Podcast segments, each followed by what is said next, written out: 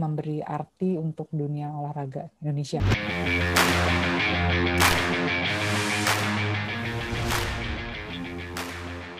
Hai, gue Dara.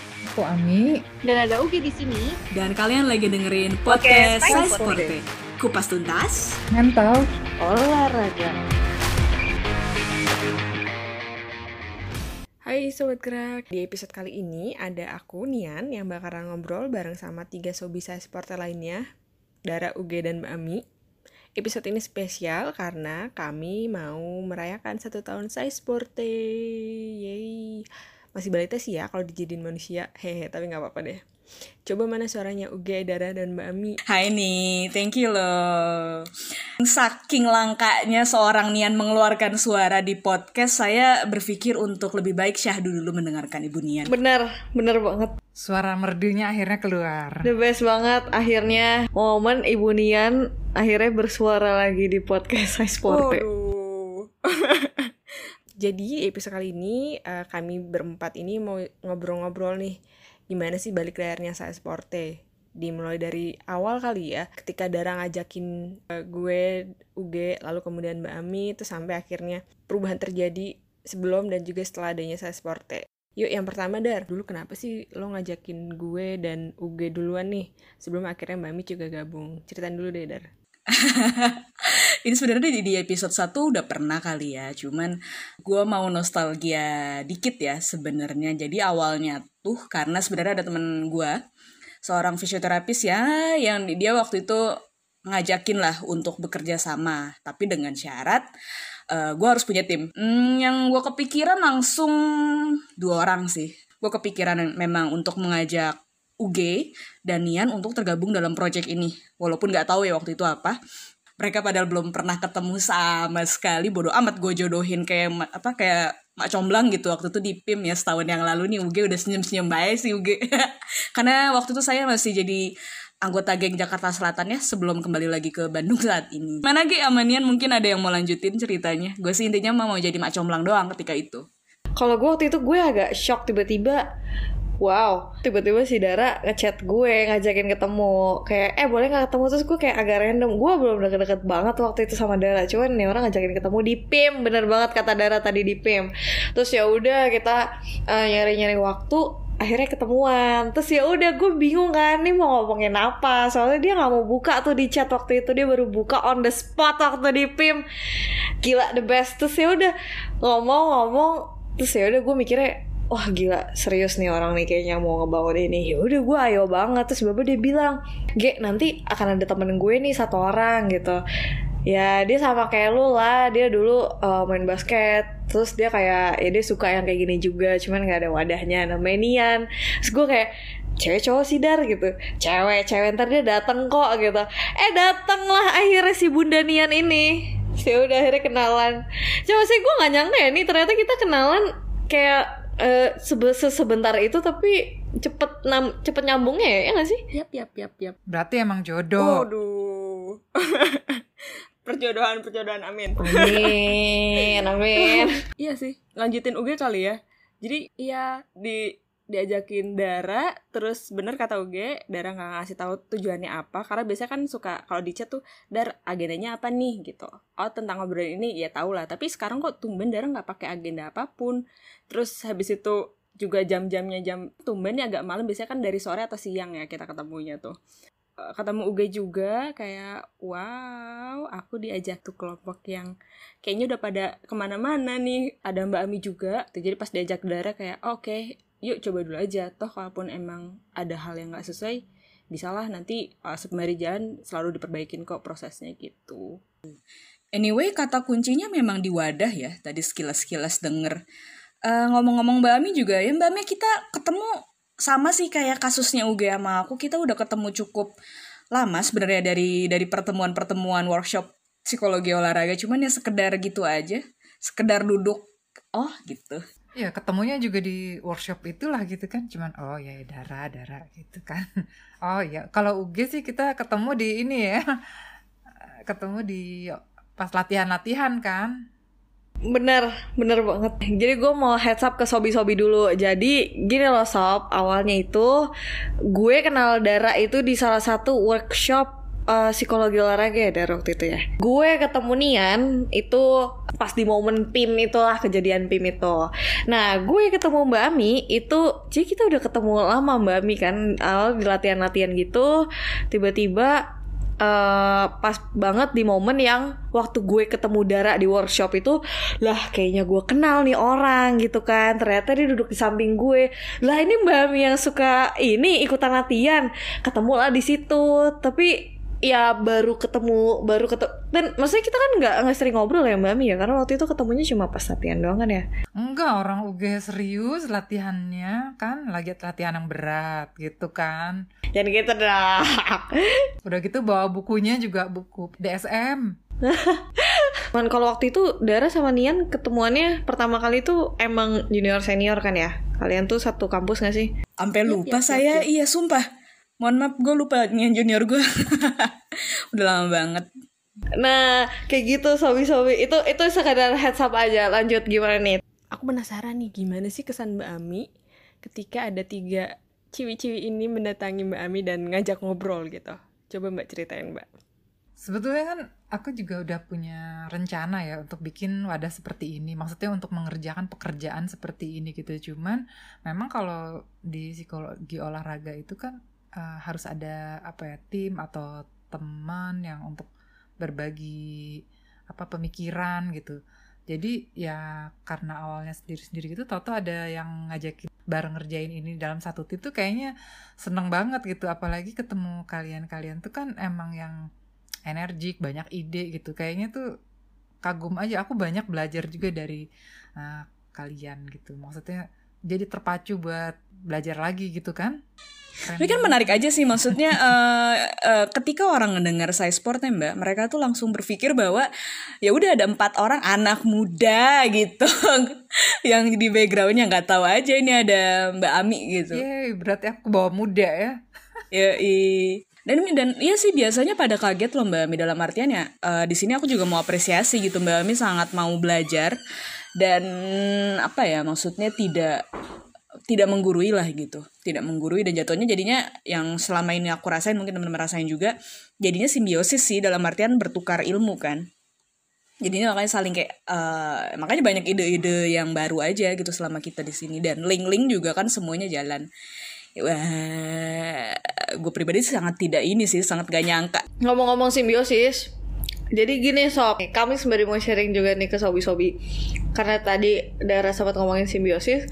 Jadi selama proses size porte ini kalau menurut gue pribadi sih dan gue yakin teman-teman juga merasa teman-teman juga merasakan hal yang sama. Jadi kita saling menutupi kekurangan satu sama lain gitu. Jadi sembari jalan sembari ngelengkapin satu sama lain. Misal misal. Uh, oke okay nih Dara tuh idenya banyak banget. Cuma nanti akan dibantu dicorongin sama UG tapi nanti Nian bantu nyatet juga. Tapi nanti Mbak Mim masukin ide juga. Jadi kayak gitu. Jadi kayak kalau kalau kalau UG nggak ada darah ya udah mentok idenya. Tapi kalau darah nggak ada UG idenya saking banyaknya jadi bingung ngerucutinnya kayak gimana. Ibaratnya kayak gitu. Dan begitu juga kayak ke Mbak Ami ke Nian. Jadi kami semua tuh bener-bener enaknya adalah bisa saling nutupin satu sama lain gitu loh. Makanya akhirnya ya ya beginilah jadinya seperti ini. Itu. Jadi kayak kayak gue sama Dara lu main jauh gak sih umurnya nah kita beda dua tiga tahun nah terus uh, apalagi gue sama Mbak Ami. Kalau sama aku bedanya tiga juga kali ya. Tiga juga, tiga dekade.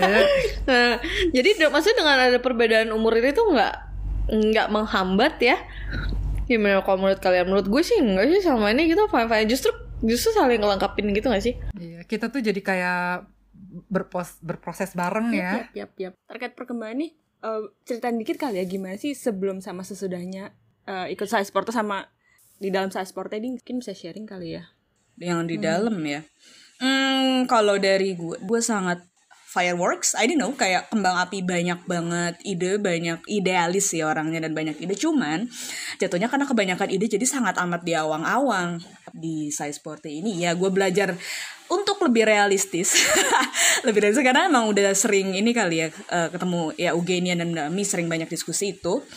Uh, jadi supaya gimana caranya semua yang di awang-awang gue bisa dikebumikan. Satu itu dan yang kedua adalah secara otomatis jadi biasa kan gue anaknya praktek banget gitu ya kalau di sini makin lama karena sering podcastan juga dan sering kalau misal kita bikin materi biasa untuk pakai sumber gitu apa-apa mau nggak mau dan itu menurut gue sih hal yang susah ya maksudnya untuk untuk diri gue gitu karena senangnya bacot doang kali gitu Kalau gue, gue tuh ngerasa banyak banget ilmu yang gue dapat. Gak cuma ilmu ya, tapi pengalaman gitu loh. Kayak beberapa beberapa episode misalkan diambil contoh tuh dari podcast lah beberapa episode podcast kan kita banyak collab sama teman-teman dari Jakarta Swift lah dari Job Explorer lah. Nah itu kan saling sharing ya. Itu itu setiap kali beres podcastan bahkan bahkan yang nggak sharing sama teman-teman collab aja yang kita punya sendiri aja tuh tiba-tiba otak gue kayak langsung ting langsung gitu kayak wah idenya keluar banyak terus gue jadi refleksi diri terus gue jadi kayak termotivasi buat apa pun itu. Maksudnya nggak harus olahraga olahraga olahraga lagi. Oke nih apalagi gue ngeliat Dara yang kalau misalkan kita lagi meeting gitu idenya banyak oh anjir berarti gue mulai bisa berpikir terus gimana caranya gue bisa speak up ide gue. Terus gue ngeliat Nian anjir Nian yang super rapi parah. Terus gue mungkin itu bisa gue implementasikan keluar gitu. Misalnya kayak dunia kerja gue atau misalkan gue ngerekap sesuatu oke gue harus lebih rapi. Gue ngeliat Mbak Ami enak ngobrol sama orang yang umurnya tuh jauh dari gue terus kayak oh gue tahu nih pandangan dia kayak gini. Jadi pun kalau gue ketemu orang lain yang mungkin ya kisarannya generasi generasinya Mbak Ami mungkin kayak oh gue paham nih pandangan dari posisi dia tuh kayak gimana. Gue menurut gue ini super insightful banget ya dari sebelum gue tahu dan bergabung sama si Size Porte ini. Kalau aku tuh terutama uh, ajaib banget gak sih yang uh, jadi tahu tentang podcast yang tadinya nggak tahu. Secara kan ini apa ya produk milenial ya. Nah terus juga uh, kagum banget sama detail yang di yang kita lakukan gitu kan ketika mau bikin skenario, skenario atau bikin satu webinar tuh bener-bener didetilkan. Sementara kalau udah di uh, di posisi aku tuh apa yang aku kerjain ya emang kayak gini tapi udah otomatis uh, terjadi aja gitu. Nah ketika didetilkan itu kan jadi tahu ya mana yang harus dievaluasi yang dikembangkan gitu. Jadi uh, berproses lagi di situnya. Nah kalau lu gimana nih Gimana nih? kalau gue uh, kalau sesudahnya sih gue merasa gue lebih kuat dalam menghadapi segala rupa salah atau gagal sih dari G dan Mami. Kenapa? Karena di sini kan sebenarnya prosesnya kita belajar banget ya. Jadi uh, oke okay, dicoba ini ya, terus oh yaudah deh coba dulu aja di uh, sebar dulu. Oh ini ada yang kurang, benahi lagi, kurang benar lagi. Di situ kayak kesalahan atau hal yang belum sempurna itu jadi proses buat uh, pengembangan lagi sih bu. Ya wes coba dulu. Ini kita coba dulu aja bu malam ini gitu kan. Nah tapi nih nggak tahu ya mungkin gue bisa jadi suaranya para sobi-sobi pendengar setia size porte nih. Coba iya nih apa sih rasanya terus-terus di belakang layar kayak pernah gak sih kepikiran pengen ngomong? Atau nggak kayak gimana sih proses selama ini di belakang layar tuh kayak gimana gitu? Mungkin sobi-sobi pengen tahu. Uh, kenapa akhirnya memilih untuk di belakang? Karena uh, aku pribadi kepo di proses nguliknya sih. Karena dari dulu kan sebenarnya dengerin podcast terus tapi nggak pernah jadi pembuat atau pelaku dari podcast tersebut gitu. Jadi kayak kok ini bisa ya dapat suara kayak gini? Kok ini bisa ada tambahan suara ya? Itu gimana sih prosesnya? Nah kebetulan punya kesempatan untuk belajar lebih jauhnya di size porte gitu. Oh, maksudnya teman-teman percaya produk ini bisa dipakai gitu. Oh ya deh yuk belajar aja gitu. Ya udah uh, gue juga sembari belajar ya ikut webinar ikut uh, ikut kayak kelas-kelas dan sebagainya. Terus ya kalian oke oke aja nih. Oh, maaf ya kenyubian aku ini. Terus ya udah deh uh, di situ akhirnya memilih untuk ya deh deh coba di belakang layar aja dulu nggak apa-apa juga toh. Semua akan punya prosesnya masing-masing untuk bisa belajar toh. Medianya ada banyak kok nggak cuma di podcast. Itu yang pertama. Terus uh, dari awal tuh kalau boleh cerita dulu kami coba-coba sobi. Jadi dari awalnya pakai Anchor lah, terus Zoom recording gak cocok. Akhirnya sekarang ini uh, kami pakai macam-macam handphone handphone sendiri, kemudian nanti dijahit jadi satu kesatuan gitu. Uh, dari proses itu sih dapet sih, oh ternyata kalau menghasilkan satu episode itu ternyata bisa banyak cara loh nggak cuma satu cara aja dengan berbekal handphone pun sebenarnya itu bisa dari situ ngeyakinin kalau misalnya podcast itu bisa banget untuk digunain sama semua orang tinggal dianya mau atau enggak gitu deh Ulala. Thank you loh sudah mau sharing-sharing.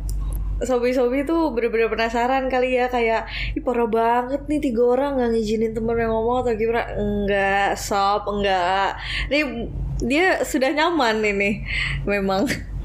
Satu lagi yang kita juga belajar tentang branding di ini ya di sosmed tuh. Itu juga satu topik lagi yang kita Oh my God.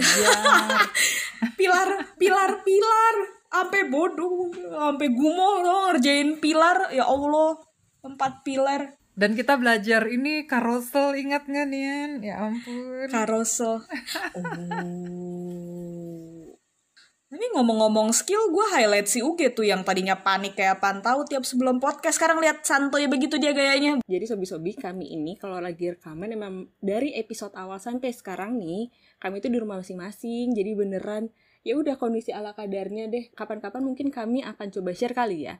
Nah Nian kan tadi udah sempat gubris nih soal Kami pengen ngasih tahu nih keadaan rumah masing-masing Nah ini lagi-lagi nih Ini salah satu secret yang kita crack nih ke sobi-sobi Jadi sering kali pada saat meeting itu Kami semua punya kebiasaan masing-masing Contohnya misalnya UG makan aja mulu entah sambil meeting entah sebelum waktu sudah rekaman podcast makan. Nah terus Mbak Ami itu Mbak Ami tuh Wah kalau Sobi ngeliat nih di layar zoomnya Mbak Ami tuh suka tiba-tiba ada kucing di depannya dia Tiba-tiba ada kucing Jadi itu dunia Mbak Ami penuh dengan kekucing-kucingan Atau enggak babak kerincing-kerincing gitu Itu wih kucingnya dia tuh Terus ya macem-macem lah Kalau Dara, Dara lu kebiasaan apa ya Dar? Lu paling sering tuh Haus tuh kalau lagi rekaman. Jadi haus ya Bu. masih tersisa saya jangan lupa hidrasi ya guys aduh Nian gimana Nian? Gue tahu Nian tuh kalau meeting kebiasaan ya. Gila andai kan sobi-sobi bisa melihat rekaman podcast ini. Jadi Nian tuh suka kayak gini guys. Dia tuh nge-mute di Zoom. Dia memang pendengar yang baik. Nian tuh the best Best listener ever. Dia nge-mute Tapi kebuka mukanya. Jadi videonya kebuka Terus dia suka kayak gini. Suka kayak ngaku-ngaku. Nian tuh paling sering kayak gitu kayak hmm, hmm, Tapi di mute tapi cuma mukanya doang kayak keluar. Gila itu kebiasaan Nian abis. Jadi setiap dari kita tuh Mm-mm, punya kebiasaan masing-masing tuh menarik kan jadi emang seru-seru aja nih ntar tiba-tiba ada yang makan lah ada yang minum ada yang ada kucing ada yang hmm Eh, nah, harapan masing-masing kalian buat saya sporte tahun kedua, ketiga seterusnya sampai tahun ya 2050 mungkin. Tapi iya ya, aku tuh masukin juga loh size portnya di yang apa namanya life plan-nya LPDP. Tuh beberapa waktu lalu aku diminta untuk sharing lah uh, life life goals. Ya itulah semacam rencana jangka panjang untuk karir dan pendidikan ya. Dan uh, ya sekalian harapan juga sih di situ emang gue dengan PD-nya uh, nulis ada size sport ya di situ untuk kontribusi sih kontribusi dan ada wadah lah ya. Karena kan dari awal kita kata kuncinya wadah. Karena jarang sih bahkan hampir nggak ada kali ya wadah psikologi untuk untuk diskusi atau seenggaknya platform di, di sosial media soal eh, psikologi olahraga. Jadi sih memang gue harapannya ini kan berarti kami salah satu pionir ini dan ya pionir akan jadi spesial sih kalau misalnya nanti sampai seperti yang Nian bilang 2050 pun akan tetap eksis. Jadi eh, harapan gue sesimpel tetap ada sih sebenarnya. Dan kalau gue sih sangat amat bersyukur gue sangat amat bersyukur gitu nemu kalian-kalian semua karena jarang sih dengan tiba-tiba serandom itu mempertemukan uh, Ugenian dan Mbak Ami terus tiba-tiba chemistry-nya dapet. Menurut gue itu bukan suatu hal yang kebetulan I guess. Nothing is coincidence. Glad to have you guys here. Wow. Mbak Mi Uge? Kalau aku sih harapannya eh, size porte itu mau dalam bentuk apa pun lah gitu baik itu kontribusinya kecil maupun besar tapi memberi arti untuk dunia olahraga Indonesia maksudnya. Gitu deh. Merenung. Ayo Nian. Mangga. Ada harapan lain bisa ngajak teman-teman yang ingin belajar juga sih terkait psikologi olahraga ataupun ya segala rupa lah mengenai dunia olahraga ini. Jadi uh, bisa banyak orang-orang yang memang tertarik mereka pun punya wadah yang sama kayak uh, dulu aku atau dulu Dara dan UG gitu. Mungkin kalau saya sportnya bisa buka kesempatan mungkin iya. Uh, tapi kalaupun misalnya enggak mungkin kita bisa kolaborasi lebih banyak lagi sih. Jadi yang terjangkau si sport personnya ini lebih banyak. Kalau gue gue sebenarnya mencakup kalian bertiga sih kayak iya gue harapannya adalah semoga nantinya Sly Sportnya bisa menjadi wadah buat uh, sobi-sobi di luar sana entah itu mau ranahnya lebih spesifik ke psikologi olahraga atau justru para atlet-atlet itu menjadi wadah terus hmm, apa bisa impactful juga. Intinya sebenarnya kata kunci yang harapan gue adalah semoga one day size sport ini bisa super impactful buat uh, orang-orang gitu. Maksudnya orang-orang yang nggak hanya spesifik nggak harus anak psikologi atau anak psikologi olahraga atau nggak harus atlet atau nggak harus orang-orang berolahraga. Jadi um, menurut gue kita bisa open juga untuk saling belajar uh, saling belajar satu sama lain gitu. Hal-hal kecil kayak misalkan gimana sih punya keberanian atau punya confidence yang sebesar itu pengen banget membangun hal-hal kayak gini gitu. Nah itu maksudnya menurut gue kita ini aja sih apa bakal super open untuk ngebuka itu kok gitu yang penting impactful buat orang-orang sih itu harapannya harapannya mantap-mantap semua loh Yap, yap, yap, yap. Kan udah dengerin nih gimana proses di balik layarnya saya Sporte. Tahu ceritanya Dara dari awal, ngajakin aku, Uge, dan juga Mbak Ami. Terus juga tahu apa sih perubahan yang dialami oleh masing-masing dari kami. Dan harapan yang ingin kami capai juga di size pote ini. Semoga sobi-sobi pendengar bisa lebih kenal ya dengan siapa sih yang ada di size porte. Uh, kami size porte we would like to say thank you very much buat uh, sobi-sobi yang udah ngikutin size porte dari awal Hmm, maksud gue kayaknya nggak cuma Dara, nggak cuma Nian, nggak cuma Mbak Mi, bahkan nggak cuma diri gue sendiri doang yang melihat perkembangan. Bahkan sobi-sobi yang udah setia dari awal pasti melihat banget nih gimana perkembangan size sportnya dari awal sampai akhirnya kita setahun semuanya kayak gitu. Terus ya udah mau thank you aja semuanya. Terus thank you juga buat Dara, Mbak Mi, dan Nian yang udah sabar-sabar dan udah terus mau berkembang dan membangun ini sampai entah kapan pun itu kayak gitu shout out juga ya Kak W itu shout out juga Kak Dery Om Yopi yang udah suguhin makanan tanpa tuh pizza kita gak bisa mikir ya. Mm -mm. Shout out buat semuanya yang udah membantu support di belakang ini sampai akhirnya kami bisa setahun dan menjadi seperti ini. Kayak gitu. Baiklah, sekian ya sobi-sobi untuk episode ini. Jangan lupa untuk tetap gerak sob. Bye. Bye.